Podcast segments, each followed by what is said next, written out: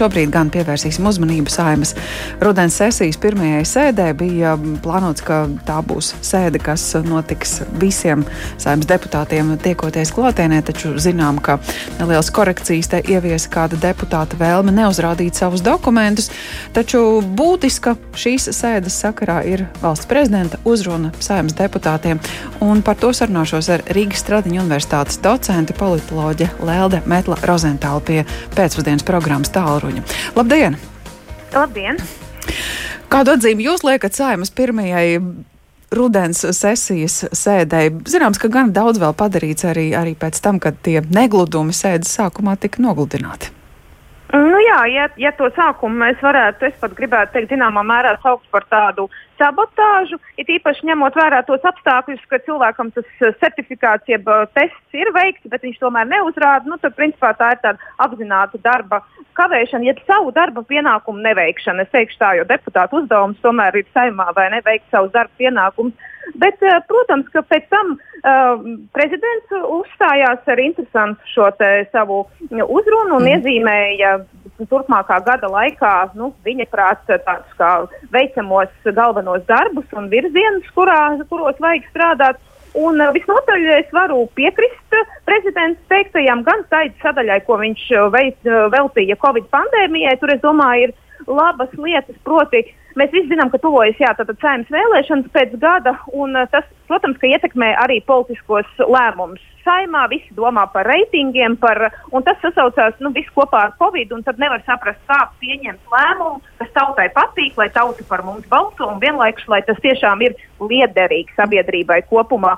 Un līdz ar to nāca prezidents ar savu priekšlikumu par šo decentralizāciju, par to, ka mēs lielākas pilnvaras dodam gan pašvaldībām, eh, gan pašam ministru kabinetam, un zināmā mērā noņemam no saimas kaut kādu atbildību. Tas varbūt pirmā brīdī var šķist uh, kaut kā jocīgi vai nepareizi, bet šeit es tiešām saskatu to vēlmi, lai saima uh, nu, vēlēšanu gaidās nepaliek populistiska, lai lēmumi ir tiešām izsvērti un racionāli. Un līdz ar to pašvaldību, kurā vēlēšanas ir bijušas un uh, kuras tagad spēj strādāt daudz, varbūt uh, nu, tādos mierīgākos mm. apstākļos, bez šī politiskā spiediena tik liela, uh, viņas varbūt šobrīd tiešām šajā, šajā brīdī ir svarīgi viņas piesaistīt arī attiecībā uz Covid dažādu mm. lēmumu pieņemšanu. Nu, šķita, ka šī tēze jau tai augstna tiek gatavota iepriekšējās dienās, gan tiekoties ar saimnes frakciju vadītājiem, mhm. kur valsts prezidents jau, jau izteica to savu nostāju, ka nav runa par kādu likumu, kurš spiestu cilvēkus vakcinēties, bet par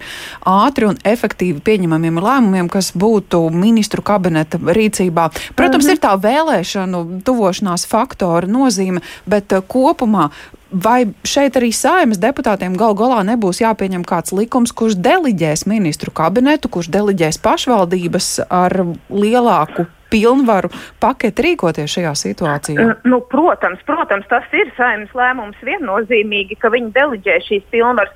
Un otrs skaidrs jau ir tas, ka pašvaldībām ir jāiedod nu, precīza. Pašvaldības jau nebūs tā, ka, mm. nu, ziniet, mēs jums atdodam visu, tagad paši domājiet. Tur jau ir noteikti jāizstrādā precīzi rīcības modeļi, teiksim, pēc kādiem parametriem pašvaldības pieņem savus lēmumus. Vai tas ir konkrētajā novadā, teiksim, saslimušo skaits un kāds skaits, kāds cipars paredz kādu rīcību, vai ne? Nav, nav, nav jau tā, jo citādi, protams, ka tas ir um, nu, haoss, ja jā, jā. Tas, tas tā nav iespējams. Jā. Bet uh, skatoties, bet... kā gāja ar to Covid likuma priekšlikumiem un, un, un visu tirzāšanu, cik ātri deputāti varētu saņemties un šo lietu sakārtot. Tas 1. Nu, oktobris iepriekš bija domāju, kā tāds. Jā redziet, ka tieši tā varbūt tā vēlēšanu tuvums viņiem liktu šo lēmumu, jo tas lēmums deputātiem būtu izdevīgs, ja tā nu, var teikt, jo tad viņi noņemtu to spiedienu no sevīm, viņiem nebūtu nepopulārie politiskie lēmumi, jo tāpat ir skaidrs, ka nu, izskatās, ka tie rādītāji visi aug saslimstības, Jā. ka atkal kaut ko jau mēs vērsim ciet tikai ko, kurā brīdī,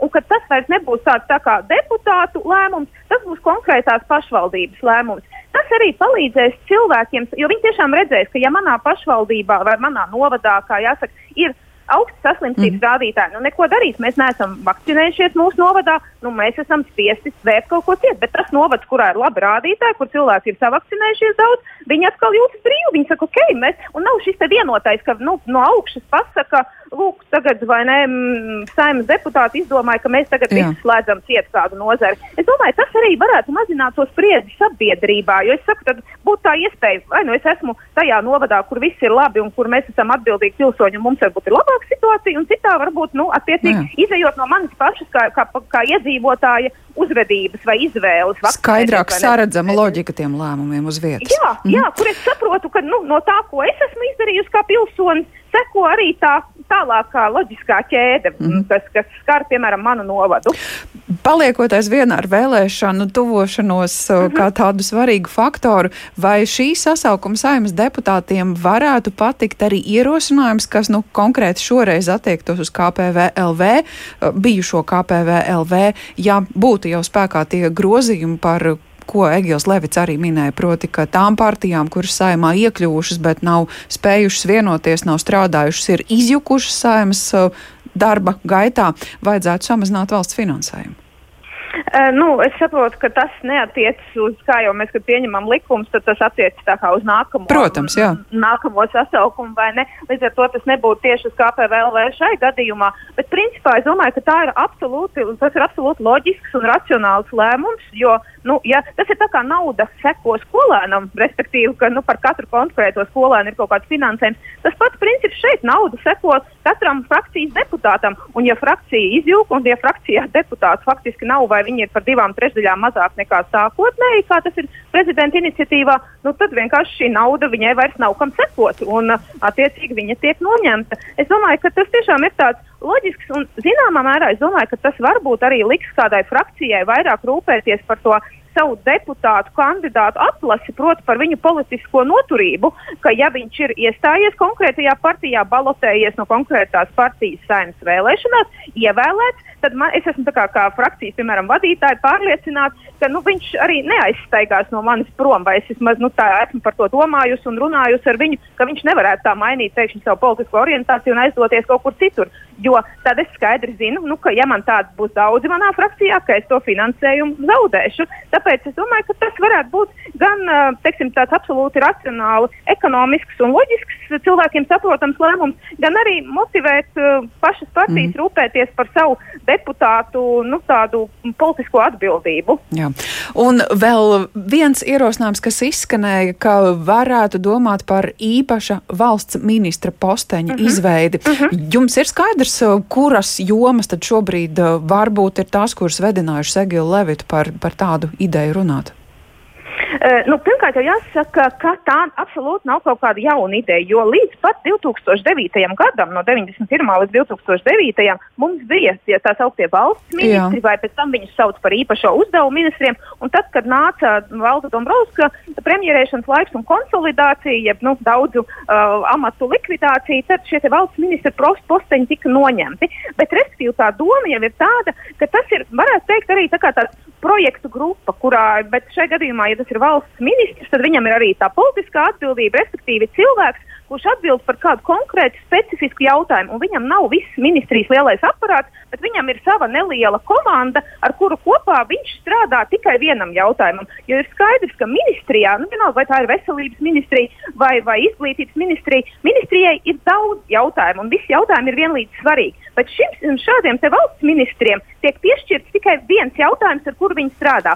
Un es domāju, iespējams, ka kaut kādā mērā mēs varam arī tās jomas izsacināt varbūt no mm, prezidenta kopējā tā uzrunas konteksta par tām jomām, kuras vajadzētu īpaši prioritizēt turpmākajā laikā, gan domājot par iekšlietu sektoru un iekšējo drošību valsts gan arī tas, ko viņš runāja par izglītību un zinātni un inovācijām. Iespējams, ka varbūt tur arī viņš uh, saskata, mm -hmm. ka tur varētu nākt kāds stiprinājums, ka nevis tā kopumā izglītības ministrs rūpējas par visu nozari, bet varbūt mēs izvēlamies kaut kādu segmentu, kurā mēs dodam tādu papildus atbalstu ar šo valsts ministra posteni. Bet nu, tas ir, uh, tas ir uh, ne, tādā manā sajūta, teiksim, analizējot šo prezidenta runu. Bet iespējams, ka varētu iet dažādiem sektoriem cauri un skatīties, uh, kur tāds šāds, um, šāds valsts ministrs kā tāds vēl papildus uh, atbalsta funkcija mm. varētu būt liederīga.